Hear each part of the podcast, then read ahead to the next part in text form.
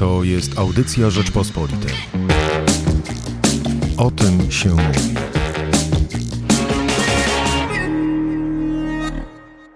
Dzisiaj obchodzimy Dzień Ziemi.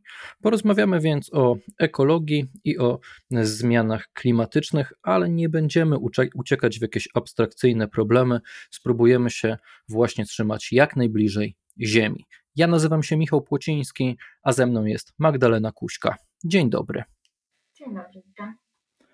Dla wyjaśnienia, Magda jest koordynator, koordynatorką programu misji w Sudanie Południowym Polskiej Akcji Humanitarnej, więc jak będziemy rozmawiać o kryzysie e, klimatycznym, to chyba najlepiej nam, Magda, opowiesz, jak to wygląda już w praktyce dzisiaj, w 2021 roku, ale zacznijmy może od tego Dnia Ziemi, no bo co roku wiosną E, obchodzimy taki dzień, dzień, kiedy promowane mają być postawy pro, proekologiczne w społeczeństwie, ale też dzień, który ma jakby budować świadomość nie tylko politykom, ale i obywatelom, jak kruchy jest ekosystem planety Ziemia.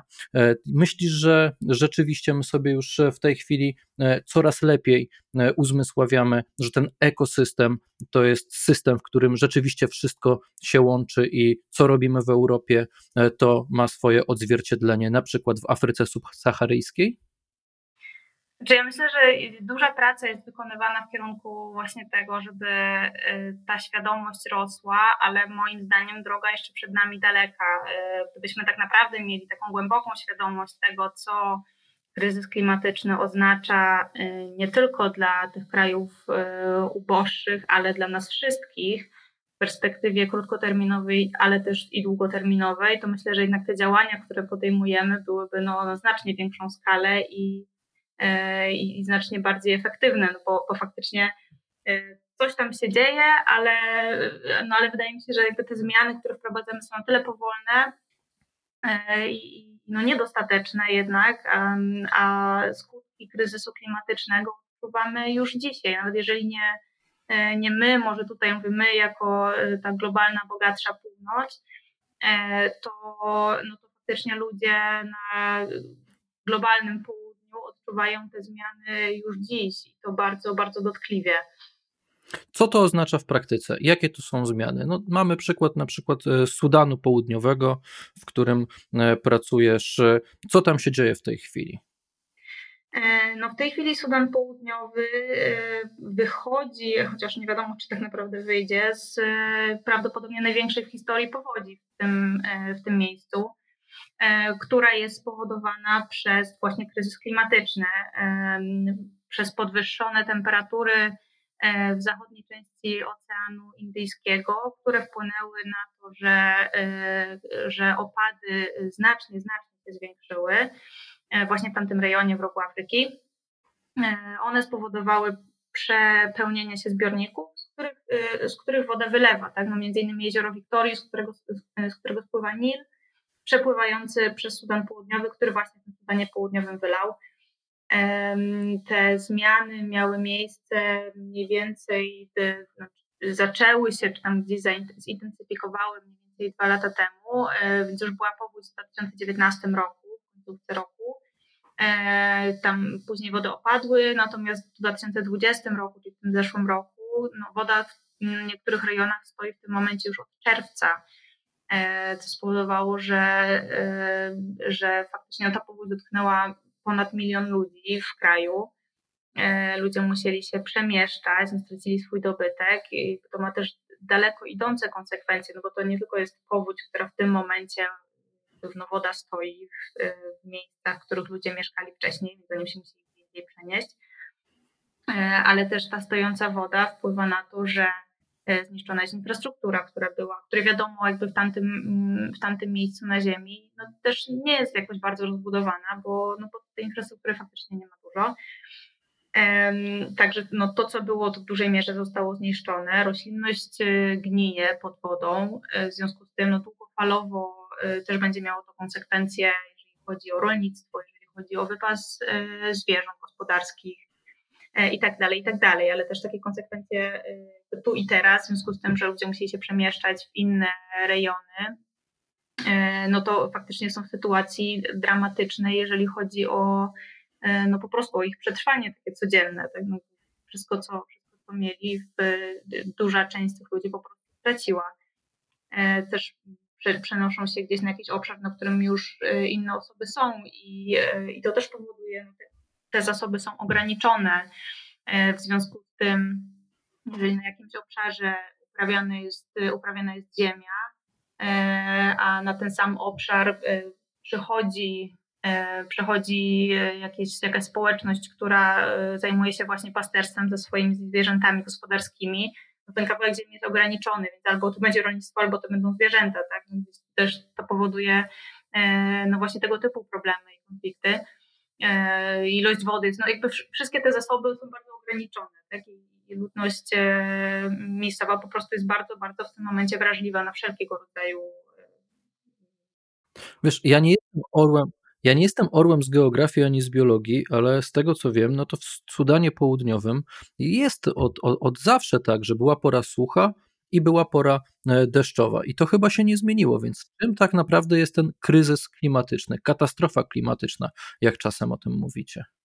E, tak, zawsze była pora sucha i pora deszczowa, natomiast e, to, co się zmienia, e, i to jest tak zwana, e, to są te tak zwane e, katastrofy naturalne o powolnym przebiegu, czyli na przykład właśnie rozregulowanie pół roku. Więc dalej jest pora deszczowa i pora sucha, ale one są bardziej, dużo bardziej gwałtowne i dużo mniej przewidywalne, jeżeli chodzi o czas ich trwania. W związku z tym nie wiadomo, kiedy pora deszczowa się zacznie, kiedy się zakończy i jak bardzo będzie intensywna. No te powodzie, które się teraz dzieją, są na ogromną skalę, wcześniej też zresztą w takim aż wymiarze niespotykaną. E, no i, i, to właśnie wynika z tego, że te opady są na tyle gwałtowne, na tyle intensywne, a później susza, która przychodzi, jest też na tyle gwałtowna intensywna, e, że, no, że powoduje to faktycznie zmniejszenie zdecydowane plonów, które, e, które pochodzą z uprawy ziemi, bo po prostu nie da się tego przewidzieć, a też duża część jest zniszczona przez, przez te takie gwałtowne kataklizmy. Rozumiem, rozumiem, że Sudan Południowy to nie jest jedyne miejsce na świecie, które, e, które dotyka e, ten problem.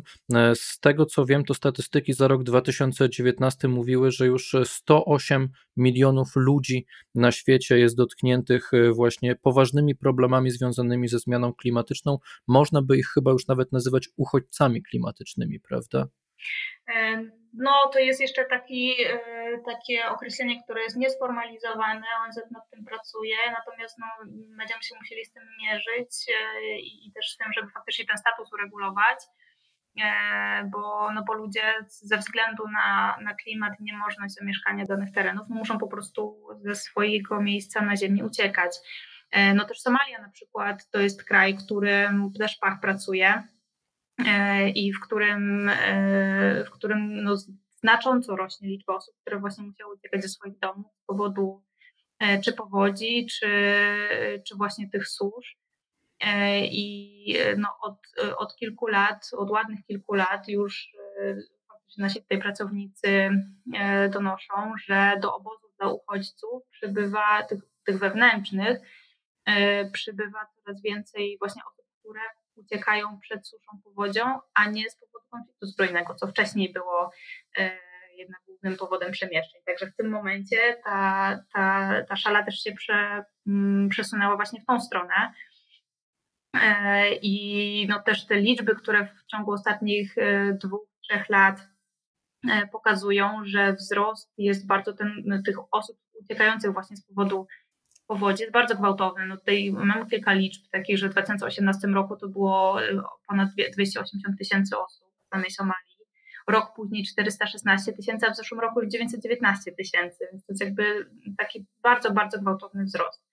Ale też musimy popatrzeć na to w y, takim, takiej perspektywie długofalowej, y, bo też podaje E, na konferencji zeszłorocznej ONZ-u właśnie takie dane były pokazywane, które mm, przewidywanie właściwie, nawet nie dane, e, które pokazują, że jeżeli e, nie zmienimy naszego podejścia do światowej emisji gazów, jakby ten trend się nie, trend właśnie zmian klimatu się nie zmieni, to do 2100 roku E, przynajmniej pas równikowy będzie e, niemożliwy do zamieszkania, jeżeli temperatura globalna wzrośnie o 4 stopnie Celsjusza. E, no to po prostu nie będzie się tam już dało mieszkać ze względu na właśnie tą katastrofę, katastrofę klimatyczną. Więc to, to są takie długofalowe długofalowe, jakby odległa dosyć jeszcze perspektywa, no gdzieś 2100 rok, to jeszcze jest troszkę przed nami, no ale trzeba o tym myśleć, tak, żeby z jednej strony właśnie wybierać takich decydentów, którzy e, wezmą te sprawy klimatu na poważnie i uczynią je faktycznie priorytetem, a z drugiej strony e, no już teraz, dzisiaj pomagać tym osobom, które właśnie przez te zmiany klimatu e, cierpią tu i teraz. Więc właśnie sprawiając, żeby nie musieli uciekać z tych, z tych swoich krajów, z tych swoich miejsc zamieszkania. Zresztą tak naprawdę te migracje w dużej mierze odbywają się wewnątrz, y, wewnątrz konkretnego kraju albo regionu. Tak? To nie jest tak, bo też mamy taki obraz y, tych migracji y, uchodźców, którzy gdzieś tam do Europy czy do Stanów zjeżdżają. To jest bardzo marginalny, jest bardzo marginalny, że tak powiem, poziom. Większość zdecydowana uchodźców jest przemieszczona wewnątrz, wewnątrz własnego kraju, czy właśnie gdzieś tam w okolicy też, też jest takie zjawisko mm, tej pułapki ubóstwa, która właśnie w związku z migracjami objawia się w taki sposób, że przy takich powolnych zmianach klimatu, które dzieją się w danym miejscu, e, no, powiedzmy osoby, które są bardziej, e, mogą sobie na to pozwolić, e, już wcześniej uciekają, natomiast te osoby biedniejsze, które po prostu na to nie stać, no to, to stają się coraz uboższe właśnie ze względu ze względu na te różne trudności, które ich spotykają. Potem staje, powoduje to, że na koniec, e, kiedy już faktycznie nie da się w danym miejscu żyć, no już nie mają, nie mają środków po prostu na to, żeby w jakieś inne miejsce, w jakieś inne miejsce się, się udać.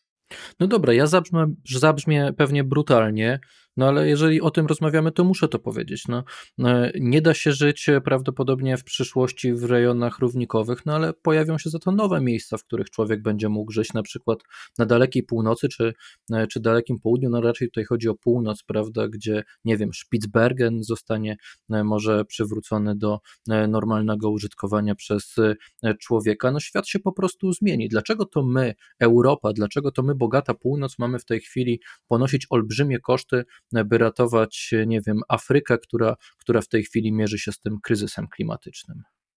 E, no tak, to znaczy myślę, że przede wszystkim dlatego, że to my tą katastrofę klimatyczną powodujemy. Znaczy to w ogóle z takiego w ogóle moralnego nawet punktu widzenia, nawet, nie, nawet nie powiem solidarności globalnej, bo to nie chodzi o solidarność globalną, to chodzi o branie odpowiedzialności za własne działania. To znaczy to, że my jako globalna północ, już tak też generalizując, tak, ale yy, powodujemy znaczną, yy, znaczną większość, czyli jesteśmy właśnie, powodujemy znaczną większość tych zmian, a cierpią na tym osoby, które żyją głównie na właśnie globalnym południu. W związku z tym, i to też statystyki pokazują, że, że jak już mówimy o Afryce, to Afryka subsaharyjska odpowiada za jedynie 7,1% y, światowej emisji gazów cieplarnianych, no a to jest region, który ponosi największe tego konsekwencje. Y, więc y, chociażby z takiego punktu widzenia właśnie odpowiedzialności za własne działania. No, robimy komuś źle, a, a mówimy, że, no, że jakby nie mamy sami, znaczy dlaczego sami mamy jakby sprzątać, tak? No, sprzątać po sobie po prostu. A myślisz, że w przyszłości czeka nas jakaś wielka fala e, migracji z południa na północ? Troszkę myślę, że ciężko przewidywać w tym momencie, natomiast no, to, jest, e, to jest e, coś, co musimy gdzieś mieć na uwadze. Dlatego, że jeżeli właśnie na przykład pas równikowy nie będzie zdatny do zamieszkania za ileś tam 10 lat, e, jest to też region e, świata, który jest najgęściej zaludniony, no to gdzieś te osoby będą szukały schronienia tam, gdzie będzie to możliwe, czyli pewnie na północy. Też, nie wiem, kraje na przykład jak e, Indie czy Bangladesz, no też właśnie są takie przewidywania, że mieszkanie w tamtych rejonach będzie, będzie po prostu zagrożeniem dla zdrowia i życia ze względu na tak wysokie temperatury. że, które właśnie, jeżeli utrzymamy ten trend, mogą wzrosnąć do takiego poziomu, że e, nawet przebywanie kilka godzin e, właśnie w niektórych miejscach na zewnątrz e, może, może skutkować nawet śmiercią. I to nie tylko mówimy o osobach starszych, ale też o osobach czy tam czy chorych, ale mówimy też o osobach w pełni sił. I to mowa właśnie czy o części Indii, czy Bangladeszu, czy części Chin na przykład. No dobra, to wróćmy jeszcze do tego Dnia Ziemi, który właśnie dzisiaj e, obchodzimy. To co jest najważniejsze, żebyśmy sobie uświadomili? Może ważne jest to, żebyśmy zrozumieli, jak możemy dzisiaj e, pomagać e, ludziom, którzy niestety są wystawieni na, ten, na skutki kryzysu klimatycznego, czy może jednak lepiej, żebyśmy pomyśleli po prostu o tym, co możemy zrobić w perspektywie bardziej długoterminowej, żebyśmy te zmiany chociaż powstrzymali, o ile nie cofnęli. Znaczy moim zdaniem trzeba działać dwutorowo, to znaczy po pierwsze y, zapobiegając dalszym zmianom, czy właśnie próbując te, e, te katastrofy klimatyczne w jakiś sposób powstrzymać, e, czy to przez świadomą konsumpcję, czy to przez, e, czy to przez właśnie wybór decydentów, którzy, którzy, dla których to będzie priorytetowe. No bo też e, na taką indywidualną skalę, no oczywiście możemy różne rzeczy robić i powinniśmy różne rzeczy robić, żeby tą katastrofę powstrzymywać i przynajmniej się do niej nie dokładać w tak duży sposób. Natomiast no myślę, że musimy głównie w taki sposób wpływu takiego większego, tak, czy właśnie na przemysł, czy wdrażania nowych regulacji, które będą, będą wymagały od no właśnie, czy przemysłu, czy generalnie po prostu zmuszą nas wszystkich do tego, żeby, e, żeby wziąć to na poważnie i różne e, ograniczenia wprowadzić. E, natomiast również oczywiście bardzo zachęcam i to jest, to jest też szalenie ważne, żebyśmy my jako, nie wiem, właśnie czy konsumenci, czy po prostu mieszkańcy tej ziemi, żebyśmy też sami dbali o to, kogo, czy jakie firmy wspieramy, czy jak sami konsumujemy, czy, czy właśnie przez chociażby takie ograniczenie e, konsumpcji, w której też jest zawarte ileś tam wody, ileś tam energii i tak dalej, tak w każdej najdrobniejszej rzeczy, którą kupujemy. I to jest jedna rzecz. A druga rzecz, która myślę, że jest też szalenie ważna, no to żebyśmy faktycznie E, żebyśmy faktycznie byli świadomi tego, że już dziś e, trzeba po prostu pomagać osobom, które e, są w takiej sytuacji już dotknięci katastrofą klimatyczną i odczuwają jej skutki bardzo, bardzo wyraźnie, za które przyczyny jesteśmy my odpowiedzialni, tak jak już rozmawialiśmy. E, zachęcam też do wspierania oczywiście organizacji humanitarnych, e, takich jak na przykład Polska Akcja Humanitarna, e, którzy pomagamy już dzisiaj właśnie w, tych miejscach, w których osoby są dotknięte tym kryzysem. Zachęcam też do wejścia na naszą stronę i wsparcia. Tam też jest dużo informacji, które można, które można przeczytać. Myślę, że też ważne jest budowanie takiej świadomości tych wszystkich globalnych zależności, E, które, e, no, które, które są, tak, których, e, tak ten świat jest zbudowany. Także no to... trzeba działać dwutorowo. No to myślę, że już E, aspekt tego, w jaki sposób pomagacie, na przykład w Sudanie Południowym, w Kenii czy w Somalii, to już zostawimy naszym słuchaczom, żeby sami weszli na stronę pach.org.pl i to sprawdzili. Ja na szczęście miałem przyjemność zresztą e, u Twojego boku e, być w Sudanie Południowym i widzieć to na własne oczy, w jaki sposób na przykład się drąży studnie albo jak się pomaga w miejscowych szkołach, ale to wszystko można też znaleźć na pewno na Waszej stronie. Moją gościnią, z którą rozmawiałem o przypadającym dzisiaj Dniu Ziemi, była Magdalena Kuśka z Polskiej Akcji Humanitarnej. Bardzo Ci dziękuję. Dziękuję również.